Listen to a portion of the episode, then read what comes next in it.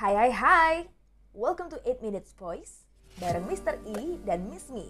Di sini kita bakal bacain berita-berita yang lagi hot ataupun viral dan juga nantinya bakal ada fakta menarik dari dalam dan luar negeri selama 8 menit.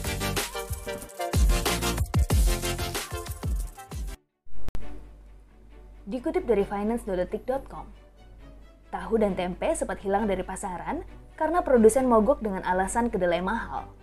Akhirnya, impor kedelai sepakat menurunkan harga. Pengrajin tahu dan tempe sempat mengeluhkan tingginya harga kedelai impor yang selama ini memasuk kebutuhan dalam negeri. Selama pandemi virus COVID-19, harga kedelai impor naik drastis dari kisaran 6.100 hingga 6.500 per kilogram per Maret hingga April 2020 lalu, kini menjadi sekitar 9.500 rupiah per kilogram. Hal itu pun membuat para perajin tahu dan tempe juga menaikkan harga jual tahu dan tempe di pasaran. Rata-rata, harga jual tahu dan tempe naik Rp1.000 per potong. Untuk menstabilkan harga kedelai sebagai bahan baku tahu dan tempe, Kementerian Pertanian mengeluarkan surat edaran kepada importir dan perajin tahu dan tempe yang tergabung dalam Gabungan Koperasi Produsen Tempe Tahu Indonesia atau Gagoptindo. Dalam surat edaran tersebut, disepakati harga kedelai yang dijual importir ke perajin turun menjadi Rp8.500 per kilogram.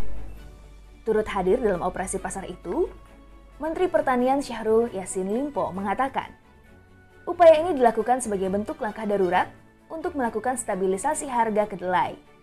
Ia menegaskan, masalah yang dihadapi saat ini hanya sebatas harga, sementara pasokan kedelai dari impor aman. Berita selanjutnya, Dikutip dari cnnindonesia.com, CEO Tesla dan SpaceX Elon Musk kini menggeser posisi pemilik Amazon Jeff Bezos sebagai orang terkaya di dunia. Dilansir AFP pada Jumat 8 Januari 2021, total kekayaan Musk diperkirakan mencapai sebesar 185 miliar US dollar. Musk adalah pemegang saham mayoritas Tesla dan kekayaannya berlipat setelah nilai saham Tesla naik pada tahun 2020. Nilai saham Tesla melonjak 5,9 persen hingga mencapai 800.43 US dollar dalam bursa hari ini. Kondisi itu membuat nilai perusahaan itu melonjak hingga di atas 750 miliar US dollar. Selain Tesla, Musk juga menjalankan perusahaan misi antariksa SpaceX Mobil listrik Tesla kini menjadi ancaman baru bagi sejumlah raksasa otomotif dunia yang masih berkutat dengan mengandalkan produksi mesin berbahan bakar minyak. Perkembangan Tesla sepanjang tahun 2020 juga pesat. Meski berada di dalam kondisi pandemi COVID-19, mereka menggenjot jumlah produksi dengan membuka pabrik baru. Hal itu membuat keuntungan mereka dari perdagangan saham naik hingga 700%. Selanjutnya, dikutip dari inet.detik.com. PUBG Mobile membuka pendaftaran untuk PMCO Spring Split 2021, sebuah kompetisi e-sport semi-pro dengan hadiah total 14 juta US dollar atau sekitar 194 miliar rupiah. PMCO tersedia di 27 wilayah di seluruh dunia dan pendaftarannya bakal dibuka sampai 24 Januari mendatang. Khusus di Asia Tenggara, negara seperti Thailand, Malaysia, Singapura, dan Indonesia bakal memiliki turnamen semi-pronya tersendiri. Ekspansi wilayah ini diharapkan bisa mendorong munculnya talenta baru dan menghasilkan turnamen yang lebih kompetitif. Juga memberikan akses untuk pemain berbakat dari setiap negara. Setelah pendaftarannya nanti ditutup, para pemain harus melewati babak kualifikasi yang akan berlangsung mulai tanggal 1 hingga 7 Februari 2021. Tim tertinggi yang lolos ke kualifikasi fase grup PMCO akan bertanding di tahap regional group stage pada tanggal 16 hingga 21 Februari 2021. Di fase selanjutnya, tim yang telah berhasil melampaui babak kualifikasi akan terus melangkah dan bertanding di babak regional finals pada tanggal 24 hingga 28 Februari 2021.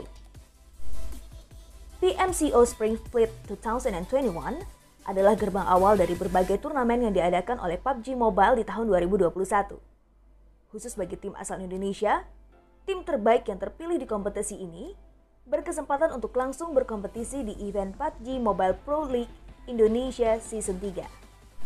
Setelah itu, tim yang berhasil menang di PMPL akan terundang untuk maju ke turnamen e-sport paling bergengsi di dunia, yaitu PUBG Mobile Global Championship. Drakor atau drama Korea. Ya, kali ini ada berita tentang The Penthouse. Dikutip dari detik.com, The Penthouse baru saja mengakhiri musim pertamanya. Di penayangan episode final, drama ini meraih rating yang fantastis. Berdasarkan data dari Nielsen Korea, episode final dari drama ini meraih rating 23,6 dan 28,8 persen. Angka tersebut mengalahkan rating personal tertinggi The Penthouse yang sebelumnya berada di angka 24%. Berdasarkan data dari Good Data Corporation, The Penthouse masih menjadi drama terpopuler pekan ini. Data diambil dari analisa jumlah artikel, postingan blog, komunitas online, video, dan obrolan di media sosial. The Penthouse masih berada di posisi pertama selama enam pekan berturut-turut dengan presentasi pangsa lebih dari 50 persen Presentasi pekan ini adalah yang tertinggi keempat sepanjang sejarah drama Korea. Diketahui, presentasi terbesar pertama diraih oleh Reply 1988 di pekan kedua Januari 2016. Kedua ditempati Goblin di pekan pertama Januari 2017, dan ketiga ditempati Descendant of the Sun di pekan kedua April 2016. Dikutip dari suara.com, siapa yang tidak mengenal donat? Roti bolong di bagian tengah ini sangat populer di kalangan masyarakat dunia, termasuk Indonesia. Donat merupakan makanan yang dapat dimakan kapan dan di mana saja. Bentuknya yang bulat sudah sangat melekat di hati masyarakat. Namun, sejauh mana kamu mengetahui tentang donat? Berikut ini terdapat beberapa fakta tentang donat yang mungkin belum kamu ketahui, seperti yang telah dirangkum dari delish.com. Fakta pertama, awalnya bernama oily cakes yang artinya kue berminyak. Donat diperkenalkan ke New York saat namanya masih New Amsterdam. Saat itu, bahasa dominan yang digunakan di sana adalah bahasa Belanda. Cara masaknya yang digoreng di atas minyak membuat namanya disebut oily cakes atau kue berminyak. Nama donat diambil karena perdebatan memasak donat dengan kacang atau tidak. Perdebatan tersebut membentuk nama donat. Dalam bahasa Inggris, perdebatan tersebut berbunyi do not, yang dalam bahasa Indonesia dieja donat. Hal itu membuat nama donat dikenal hingga saat ini.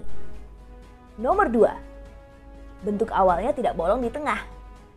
Menurut cerita, seorang perempuan New England bernama Elizabeth Gregory menggoreng adonan untuk dikirim bersama putranya untuk pelayaran pada abad ke-19. Putranya membuat lubang di tengah dengan menggunakan jari-jari roda kapal. Oleh karena itu, sampai saat ini, mayoritas bentuk donat bolong di bagian tengah.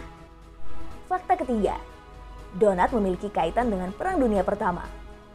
Menurut sebuah sumber, seorang lelaki Rusia bernama Adolf Levitt membuat mesin pembuat donat. Kala itu, alat tersebut memproduksi donat secara besar-besaran. Saat itu Salvation Army gereja Kristen dan organisasi amal internasional di London memutuskan untuk menggunakan donat sebagai bagian dari promosi mereka untuk menghormati tentara yang bertempur di Perang Dunia Pertama. Fakta nomor 4. Amerika adalah konsumen donat terbesar. Lebih dari 10 miliar donat dibuat di Amerika Serikat setiap tahunnya. Sebanyak 17 juta di antaranya diproduksi Le Mars Donut. Fakta kelima, donat termahal. Donat termahal di dunia dibuat oleh Krispy Kreme dan dijual dengan harga lebih dari 1000 US dollar. Donat 23 karat bertabur emas itu diisi dengan jelly Dom Perignon Champagne, ditaburi daun emas 24 karat, dan berlian yang bisa dimakan. Oke okay guys, itu dia 8 Minutes Voice bareng Mr. E dan Miss Me. See you next time. Bye-bye.